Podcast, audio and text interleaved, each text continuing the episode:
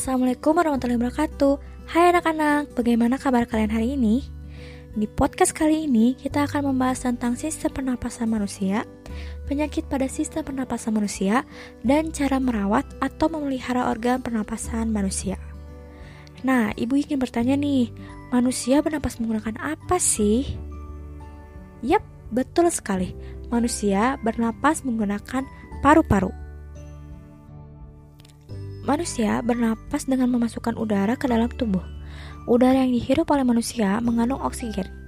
Oksigen sangat dibutuhkan oleh manusia untuk mendapatkan energi dari makanan. Energi itu sendiri menggerakkan semua proses kehidupan yang sangat penting pada tubuh kita. Nah, organ pernapasan manusia sendiri terdiri atas hidung, faring, laring, trakea, bronkus, bronchiolus, dan paru-paru atau bisa disebut juga dengan alveolus.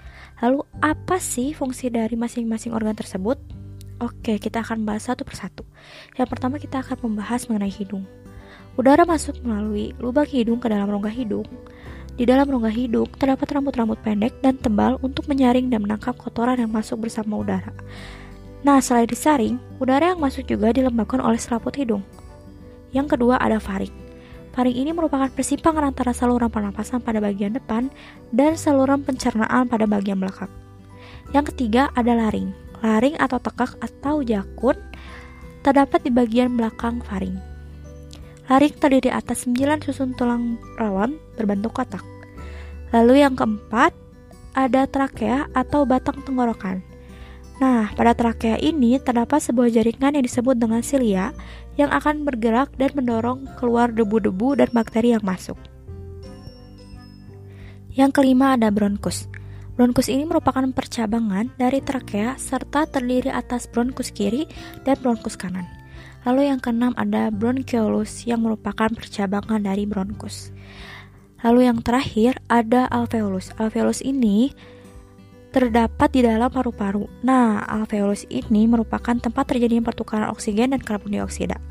Alveolus dikelilingi kapiler-kapiler darah dan bentuknya seperti buah anggur. Oke, apakah kalian pernah mendengar penyakit pada sistem pernapasan? Pasti pernah kan ya? Apa aja sih penyakit pada sistem pernapasan? Ya, betul, ada TBC, bronkitis, flu, dan asma. Tapi mungkin kita sering mendengar kata asma ya. Oke, kita akan mengingatkan kembali ya. Organ pernapasan manusia itu terdiri dari hidung, tenggorokan, dan paru-paru. Ya. Setiap organ tersebut dapat mengalami gangguan akibat kuman penyakit yang berasal dari lingkungan atau kebiasaan hidup kita yang tidak sehat. Contohnya, gangguan pada sistem pernapasan manusia yang pertama ada emifisema. Penyakit pada paru-paru ini mengalami pembakakan karena pembuluh darah pada paru-paru kemasukan udara. Nah, selanjutnya ada asma, di mana penyakit ini merupakan kelainan penyumbatan saluran pernapasan yang disebabkan oleh alergi debu, bulu, atau perubahan cuaca. Nah, kelainan asma ini dapat diturunkan dan dapat kambuh jika suhu lingkungan cukup rendah atau keadaan dingin. Lalu selanjutnya ada kanker paru-paru.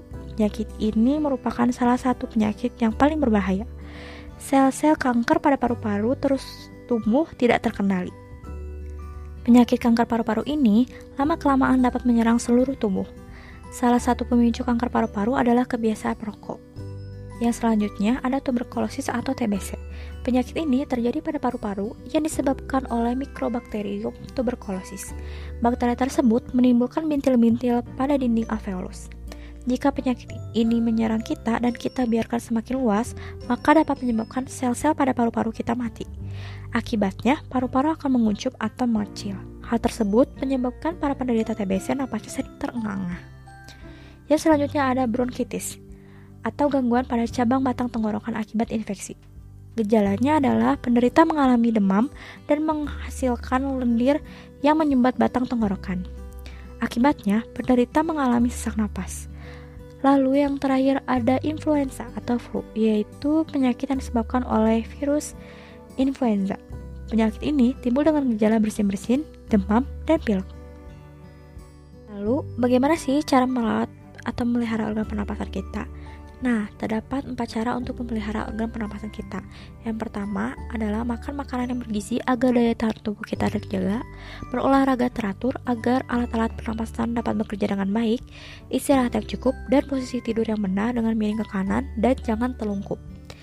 Yang kedua, menghindari zat-zat yang dapat merusak organ pernapasan, yaitu tidak merokok dan hindari paparan asap rokok, karena rokok mengandung racun menggunakan masker saat berada di lingkungan kotor seperti ketika kita pergi keluar rumah dengan menaiki kendaraan bermotor.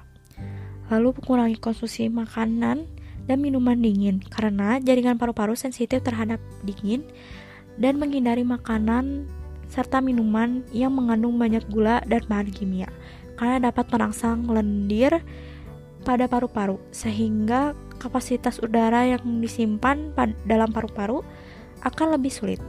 Lalu yang ketiga, merawat organ pernapasan dengan membersihkan rongga hidung secara teratur dan memeriksa kesehatan pernapasan secara teratur ke dokter.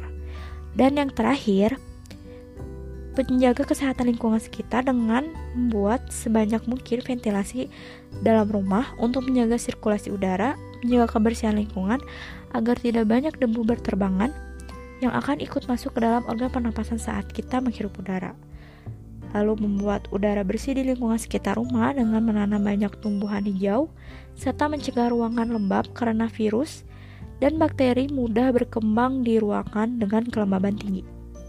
Nah, kesimpulan pada podcast kali ini adalah udara yang kita hirup masuk ke dalam tubuh melalui lubang hidung lalu masuk ke dalam batang tenggorokan. Batang tenggorokan ini adalah sebuah pipa, mulai dari belakang hidung dan mulut, lalu turun ke paru-paru. Dari batang tenggorokan, udara masuk ke dalam paru-paru, lalu di dalam paru-paru, oksigen terserap ke dalam pembuluh darah halus.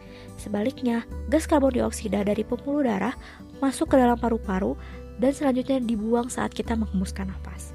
Lalu ada contoh gangguan pada sistem pernapasan manusia, yaitu ada emfisema, asma, kanker paru-paru, tuberkulosis atau TBC, bronkitis, dan influenza atau flu.